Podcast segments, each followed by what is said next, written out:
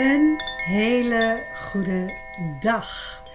Een introductie van iets nieuws. Wat ik ga maken, wat ik ga doen, wat ik aan het maken ben. En dat is geïnspireerd op het boekje Getijden. Klein stukje vooraf. Uh, ik ben in 1991 heb ik Rijkje 1 gedaan. In 1992 heb ik Rijkje 2 gedaan.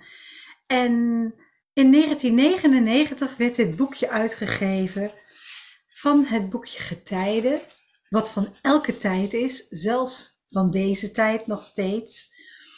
En er staan namelijk hele mooie tekeningen in van mijn rijke collega Gerard Kwak.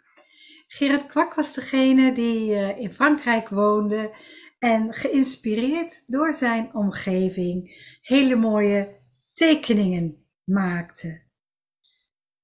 Dat kwam uh, dichter Fincho, ook een Reiki Master, te horen.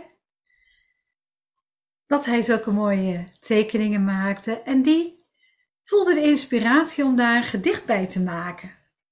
En zo is ooit in 1999 dit boekje gestart. Ik werkte daar eigenlijk altijd mee, ook wanneer uh, ik rijke cursussen gaf. Dan deden we even zo, hey, kijken waar die open slaat. Nou, en dit keer die potentiële kwaliteiten. Nou, dat is wel grappig voor deze introductie natuurlijk. Uh, want een van mijn kwaliteiten is toch wel meditaties doen. En ik heb gevraagd aan ze of ik er een meditatie, dat boekje mag gebruiken en de meditaties bij mag maken. En dat mag. Dus je merkt mijn enthousiasme alweer. Ik vind het heerlijk om te doen. Om jullie die dit zien te inspireren.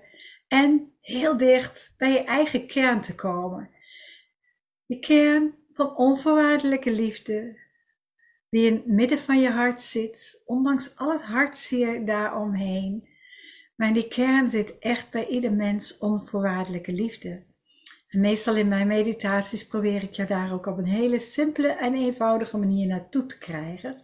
Want ik ben Marion, verteld en inspireerd en ik hou van de eenvoud. Hou jij er ook van?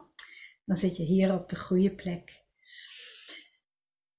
Dit boekje ga je dus iedere week ga je daar een meditatie uh, uit horen, want ik ga je de tekening laten zien als je beeld hebt. Uh, als je, daarna ga ik het gedicht voorlezen. Dus dat kun je in de podcast horen, maar dat kun je ook eventueel op dit filmpje dan heel duidelijk zien. En daarna neem ik je mee in een meditatie die bij het bovenste woord hoort. En dat kan weer heel andere inspiratie geven, omdat ik werk vanuit mijn intuïtie.